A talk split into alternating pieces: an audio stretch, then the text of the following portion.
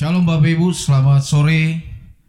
Dan eh, sore hari ini saya akan membagikan temanya adalah ini dia Bapak Ibu. Tema saya adalah bertindak dan bereaksi benar dalam Tuhan.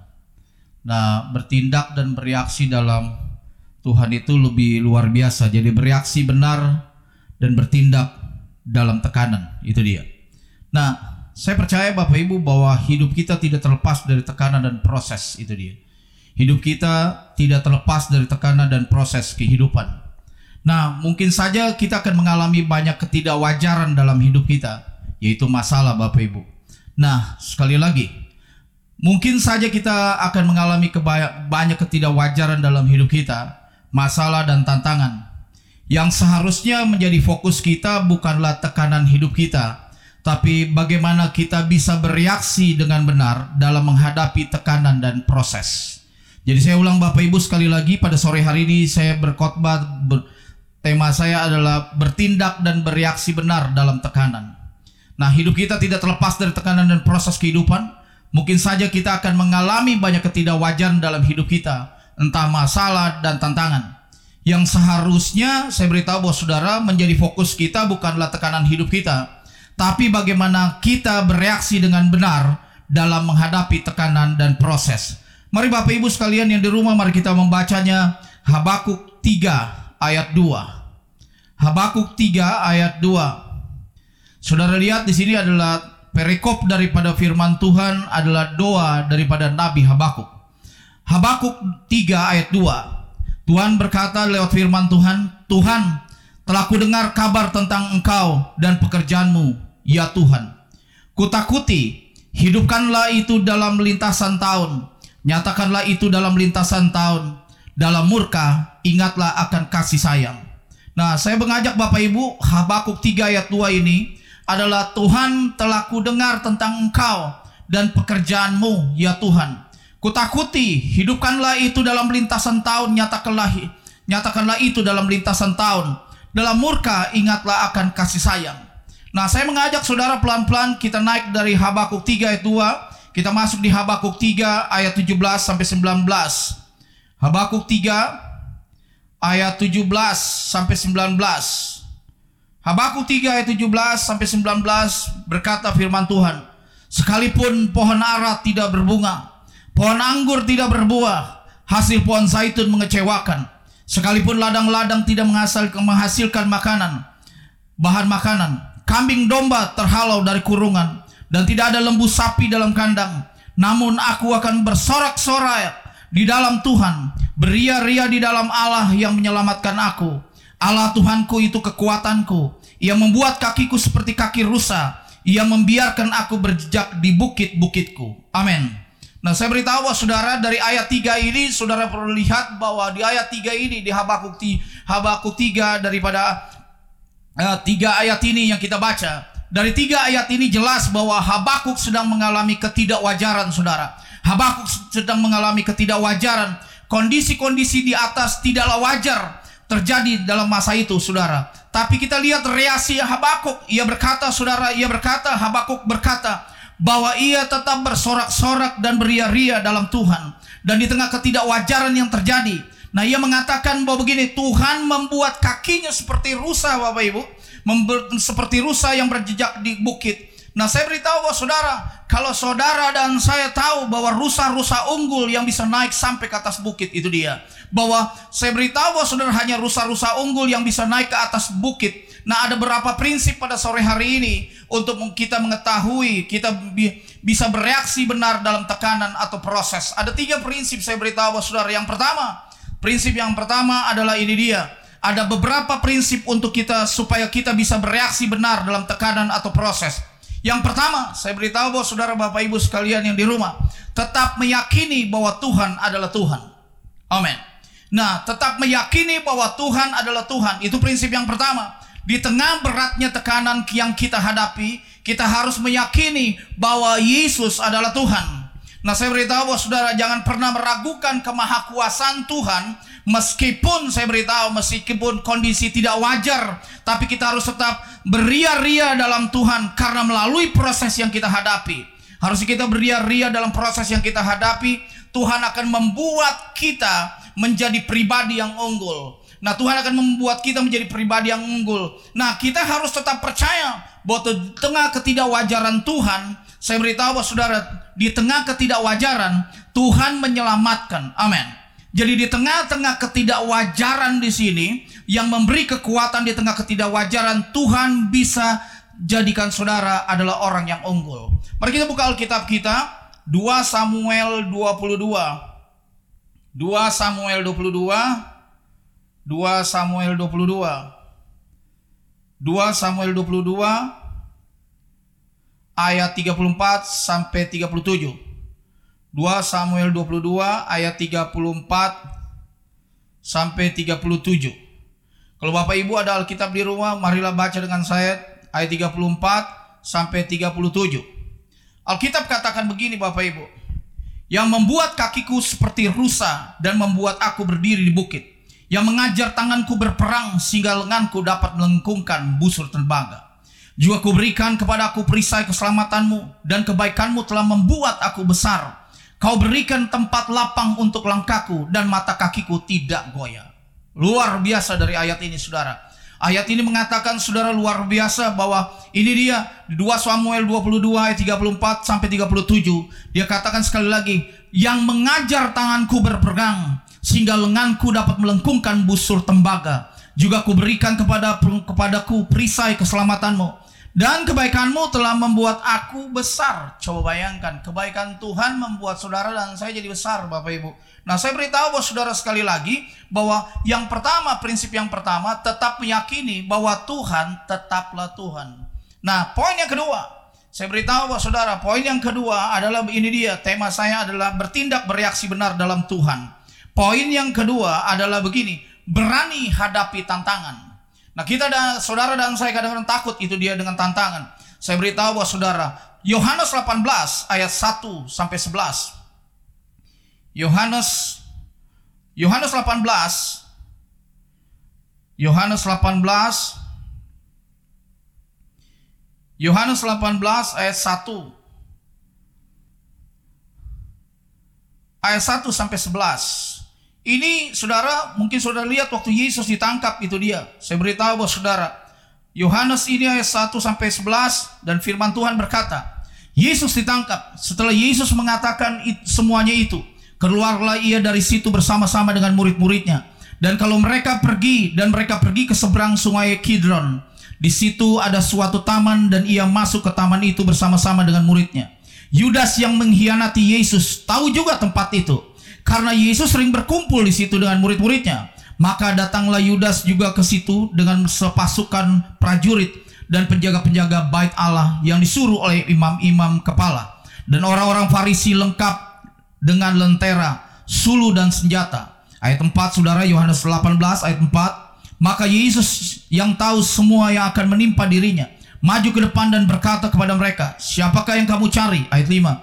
Jawab mereka, "Yesus dari orang dari Nazaret." Katanya kepada mereka, "Akulah dia Yudas yang mengkhianati dia berdiri juga di situ bersama-sama mereka." Ayat 6.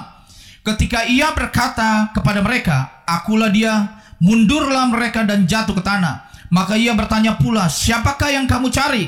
Kata mereka, Yesus dari Nazaret. Jawab Yesus, telah kukatakan kepadamu, akulah dia. Jika aku yang kamu cari, biarkanlah mereka ini pergi. Ayat 9. Demikianlah hendaknya supaya genaplah firman yang telah dikatakannya dari mereka yang engkau serahkan kepadaku. Tidak seorang pun yang kubinasakan binasa. Ayat 10 dan 11. Lalu Simon Petrus yang membawa pedang menghunus pedang itu, menetakannya kepada hamba imam besar dan memutuskan telinga kanannya. Nama hamba itu Malkus. Kata Yesus kepada Petrus, sarungkanlah, sarungkan pedangmu itu. Bukankah aku harus minum cawan yang diberikan Bapakku? Amin. Nah saya beritahu bahwa saudara dalam Yohanes 18 ayat 1 sampai 11 kita bisa melihat Bapak Ibu bahwa Tuhan kita adalah Tuhan Yesus adalah pribadi yang berani. Saudara lihat saudara di sini kita bisa melihat bahwa Tuhan kita Tuhan Yesus adalah pribadi yang berani. Saudara lihat ia tidak pengecut waktu pasukan datang dan bertanya kepada Yesus itu dia dan tanya siapa Yesus? Tuhan Yesus dengan lantang menjawab Bapak Ibu, akulah dia. Ini menunjukkan bahwa dia adalah pribadi yang berani. Nah, Bapak Ibu Saudara sekali lagi, poin yang kedua adalah beranilah menghadapi tantangan. Sekalipun tantangan itu proses dan tekanan apa pun, saudara dan saya harus terima tantangan itu. Karena Alkitab katakan ada tiga statement dari ayat ini. Saya beritahu saudara, karena saudara dan saya bukan orang yang diciptakan Tuhan jadi pengecut. Ada tiga statement yang Tuhan Tuhan katakan. Yang pertama, aku harus minum cawan dari Bapa. Nah, itu dia. Siapa main pedang akan dibalas dengan pedang. Tidak tahukah kamu bahwa aku bisa memanggil 12 pasukan malaikat Lalu Tuhan apa kata saudara kata lihat saudara? Tuhan Yesus mempunyai fasilitas fasilitas untuk menyelamatkannya saat itu. Tapi Tuhan Yesus tidak menggunakan fasilitas itu dan dia tahu bahwa dia akan sebuah menghadapi sebuah proses. Nah, saya beritahu bahwa saudara, Yesus tahu bahwa akan ada sebuah proses yang sulit yang harus ia hadapi. Tapi ia tetap berani menghadapi proses yang ada Bapak Ibu. Pelecehan yang pertama saya beritahu bahwa saudara-saudara catat saja pelecehan yang pertama bukan pelecehan seks, pelecehan proses itu dia. Siapa pun yang melecehkan proses, saya beritahu bahwa saudara-saudara sulit untuk diberkati. Makanya saya beritahu bahwa saudara ikuti permainan Tuhan kalau saudara sedang diproses Tuhan. Nah saya beritahu orang yang berani menghadapi tantangan pasti menerima kekuatan yang baru untuk menghadapi tantangan selanjutnya. Contohnya Bapak Ibu, saya beritahu, contoh selanjutnya adalah kita baca kisah Daniel itu dia. Kita tahu semua tahu bahwa karena Daniel tetap berdoa kepada Tuhan dan tidak menyembah raja. Saya lihat di sini bahwa Daniel mendapat hukuman yaitu masuk ke gua singa. Tapi saudara lihat di sini, Daniel tidak takut. Ia tetap menghadapi proses itu dan kita lihat hasilnya. Tuhan menyelamatkan Daniel dari tekanan-tekanan singa. Nah hari-hari ini saya beritahu bahwa saudara dalam tekanan-tekanan apa pun kita harus bereaksi benar di dalam Tuhan. Bertindak benar dalam Tuhan. Makanya saya beritahu saudara dan saya tidak diciptakan jadi orang pengecut Bapak Ibu. Yang ketiga, saya beritahu bahwa saudara tiga prinsip ini kita e, belajar pada sore hari ini. Yang ketiga, saya ajak saudara membaca Ayub 23 ayat 10 sampai 12. Ayub 23 Ayub 23 Ayub 23 ayat 10 sampai 12. Alkitab katakan begini Bapak Ibu. Karena ia tahu jalan hidupku. Seandainya ia menguji aku, aku akan timbul seperti emas. Luar biasa ayat ini. Kakiku tetap mengikuti jejaknya. Aku menuruti jalannya dan tidak menyimpang. Ayat 12. Perintah dari bibirnya tidak kulanggar. Dalam sanubariku kusimpan ucapan mulutnya. Wah luar biasa saudara. Saya ulang pelan-pelan sekali lagi saudara. Ayat 10. Karena ia tahu jalan hidupku. Seandainya ia menguji aku, aku akan timbul seperti emas. Itu Ayub 23 ayat 10, 11, 12. Kakiku tetap mengikuti jejaknya. Aku menuruti jalannya dan tidak menyimpang. Perintah dari bibirnya tidak kulanggar. Dalam sanubariku kusimpan ucapan mulutnya. Luar biasa Ayub katakan. Nah di poin ketiga ini saudara, Poin yang ketiga adalah prinsip yang ketiga adalah ini. Temukan inti pembelajaran. Saudara dan saya adalah sedang diajar Tuhan. Karena Ayub tahu saudara, dia bilang begini bahwa karena ia tahu jalan hidupnya, seandainya ia menguji aku, aku akan timbul seperti emas. Nah itu dia saya beritahu bahwa saudara, Ayub mendapatkan proses yang tidak mudah Bapak Ibu. Dalam satu hari luar biasa, anak-anaknya meninggal, harta bendanya habis, sahabat-sahabatnya meninggalkan dia, saya beritahu saudara yang lebih parah lagi, istrinya yang tidak mendukung dan dia kena penyakit kulit luar biasa. Coba kalau saudara berpikir kalau istri saudara tidak mendukung, saudara pasti marah-marah itu dia. Makanya saya sudah bilang bahwa saudara cari istri yang mendukung itu dia. Kalau belum ada yang punya pacar, cari pacar yang istrinya mendukung itu dia, ya kan? Dan saya beritahu bahwa saudara sekali lagi kayak Ayub saudara, bayangkan dalam satu hari anak-anaknya meninggal, hartanya habis itu dia. Sahabatnya meninggalkan dia. Saya beritahu yang penting jangan Tuhan tinggalkan saudara. Sahabat saudara boleh tinggalkan saudara. Teman saudara boleh tinggalkan saudara. Siapa aja boleh tinggalkan saudara. Tapi jangan Tuhan yang tinggalkan saudara. Itu dia. Makanya saya beritahu buat saudara. Lihat dari sisi ini. Di tengah proses hidup yang berat. Sekali lagi. Ayub bereaksi dengan benar Bapak Ibu. Dia tidak mengutuki dan meninggalkan Tuhan. Dan Ayub mendapat hasil dari reaksinya. Yaitu pengenalan akan Tuhan bereaksilah benar. Makanya saya beritahu bahwa saudara sekali lagi Bapak Ibu yang uh, menonton acara daripada ibadah uh, GKMI Sungai Yordan. Sekali lagi saya beritahu, di dalam tekanan tantangan, saudara jangan mudah reaktif itu yang pertama. Yang kedua, tetap bersyukur. Yang ketiga, saudara saya beritahu saudara ini dia penyakit kita orang Kristen. Selalu kita berpikir dosa dan masalah sampai lupa berpikir Tuhan. Harusnya berpikir Tuhan bukan berpikir masalah. Kehidupan kita selalu kuat apa? Masalahnya yang kita pikirkan dengan dosa yang kita pikirkan sampai Tuhan Yesus yang menciptakan kita sampai kita tidak pikirkan. Pikirkan itu saudara, saya beritahu. Saat kita mendapat proses, kita harus bertanya, Tuhan, apa yang engkau mau dari proses ini? Memang nggak ada yang mau saudara.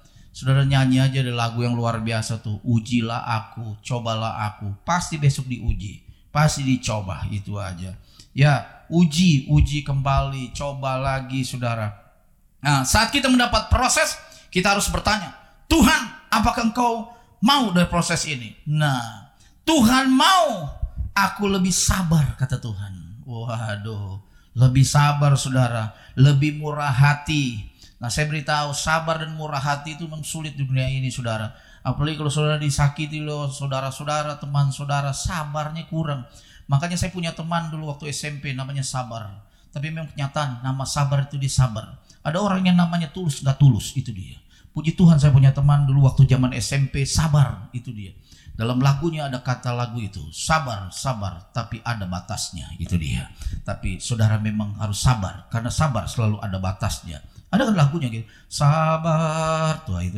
Kadang-kadang sabar ada batasnya katanya. Itu dia kan. Kalau orang Nado bilang kita so sabar, kurang batas kita. Iyo, pasang bambu jo itu ya, itu saudara ya. Itu dia. Nah, kalau saya berkhotbah saudara segar dan senyum itu dia.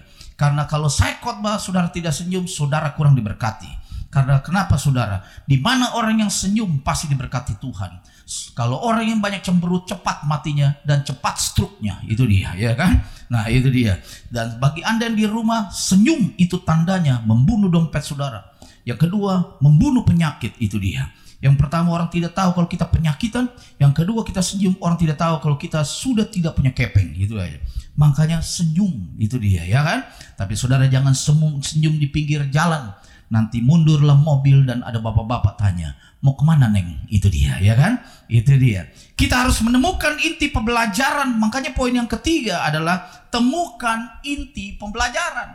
Makanya saya beritahu bahwa saudara ayo kita semua sama-sama belajar untuk punya reaksi yang benar dalam setiap tekanan proses hidup kita. Amin harus belajar Ayo kita semua sama-sama belajar punya reaksi yang benar, nggak gampang reaktif Bapak Ibu. Dalam setiap tekanan dan proses hidup kita, percaya bahwa setiap tekanan dan proses Tuhan izinkan terjadi membuat kita menjadi pribadi yang unggul. Amin. Itu dia. Saya beritahu bahwa saudara, kalau saudara sedang diproses, tidak perlu tengking-tengking dalam nama Yesus kita tengking, tidak perlu tengking. Nikmati saja. Saya beritahu saudara, kalau ada orang gak suka dengan saudara, beri senyum dan nikmati saja. Karena itu proses pengujian mentalitas saudara supaya saudara dan saya jadi dewasa. Amin Bapak Ibu. Nah saya beritahu, tetaplah meyakini bahwa Yesus adalah Tuhan.